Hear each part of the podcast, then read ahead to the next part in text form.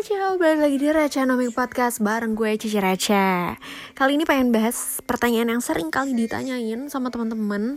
Kayak, C sebenarnya reksadana sama saham tuh apa bedanya? Kan ada reksadana saham juga, ya bener sih kalau dilihat dari namanya.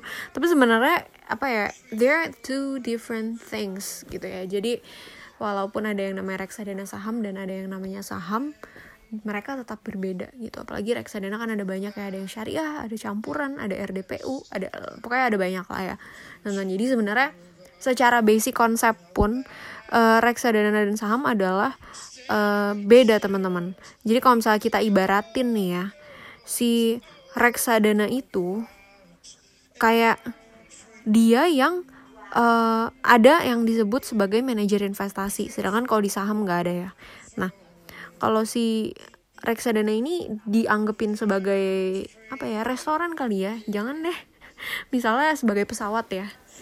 Kalau si reksadana ini adalah dia sebagai uh, pramugarinya yang ngurusin. Dia yang siapin apa yang kamu perluin dia yang siapin selimut kamu makanan kamu konsumsi siapin wine buat dinikmatin di uh, pesawat gitu sambil duduk terus difoto kayak Syahrini ya kan? Sedangkan kalau di saham ini kamu yang uh, sebagai penumpang yang membawa bekal sendiri. Ini analoginya agak ngakak ya.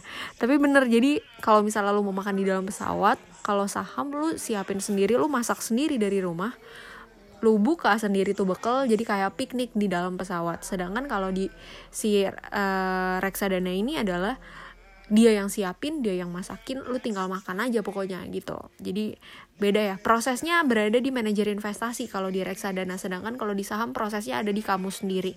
Tanggung jawabnya juga ada di kamu. Sedangkan kalau reksadana tanggung jawabnya ada di manajer investasi. Walaupun memang nggak ada uh, klausa yang memastikan bahwa uh, dengan manajer investasi di reksadana anda akan untung. Emang nggak ada kayak gitu. Tapi minimal ketika investmentnya ancur atau kenapa-napa si manajer investasi itulah yang akan mampus gitu.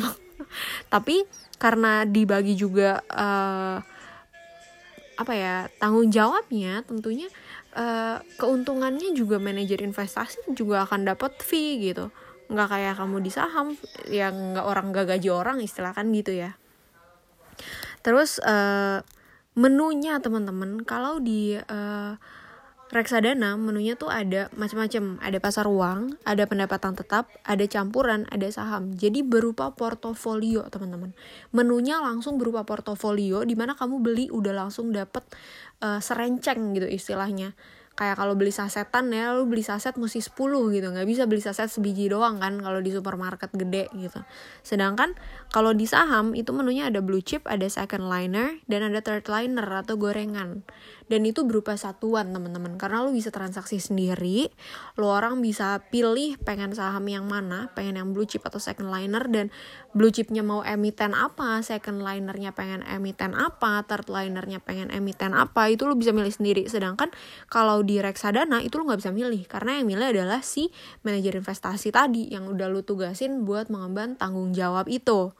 Jadi terserah tuh misalnya mau pasar uang mau atau pendapatan tetap atau campuran misalnya dia mau pakai deposito di mana ya suka dia karena dia ngurusin. Pokoknya lo terima beres lo taruh duit duit lo bertumbuh gitu cuman bisa sebatas itu. Sedangkan kalau saham lo bisa tahu misalnya ah gue pengen beli saham misalnya apa yang lagi bagus ya?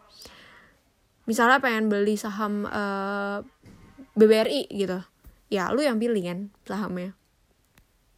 Gitu. Terus kalau misalnya isinya nah seperti yang sudah dibahas tadi isinya itu langsung gelondongan atau serencengan. Jadi kumpulan beberapa produk. Sedangkan kalau di saham itu isinya per 100 lot. Jadi eh sorry per 100 lembar atau per satu lot gitu. Jadi uh, isi tiap menunya juga beda. Kalau di reksadana itu isi menunya udah campuran udah serenceng. Kalau saham ya udah macem-macem emiten. Kalau campurannya juga udah macem-macem kalau pendapat tetap juga portofolionya udah nyampur pokoknya semuanya nyampur. Sedangkan saham misalnya lo beli satu lot ya satu lot aja buat emiten X gitu. Dan terakhir tentunya pajak dan fee-nya sebetulnya lo lebih cuan dari saham karena kalau saham pajak dan fee-nya itu kecil. Cuma 0,4 sampai 0,68 persen. Sedangkan kalau reksadana pajak dan fee-nya tentunya gede maksimal tiga setengah persen. Kenapa? Karena di situ istilahnya lu ada gaji orang karena lu pakai manajer investasi yang harus ngurusin. Lu ada pakai uh, bank juga buat sebagai kustodian gitu. Jadi uh, banyak pihak yang terlibat sehingga fee-nya jadi jauh lebih besar. Makanya kenapa membuat uh, reksadana itu cuannya lebih kecil dan saham cuannya lebih gede karena lo bisa ngatur sendiri, lo bisa analisa sendiri, lo bisa transaksi sering-sering sendiri. Semakin banyak tektokan, semakin banyak persentase yang lo ambil juga cuan lo semakin besar ketika pajak dan fee-nya lebih kecil daripada reksadana. Gitu teman-teman logikanya. So itu dia uh, sesi podcast hari ini. Thank you so, so much for listening to this Retronomic podcast. I'll see you guys on another podcast. Bye.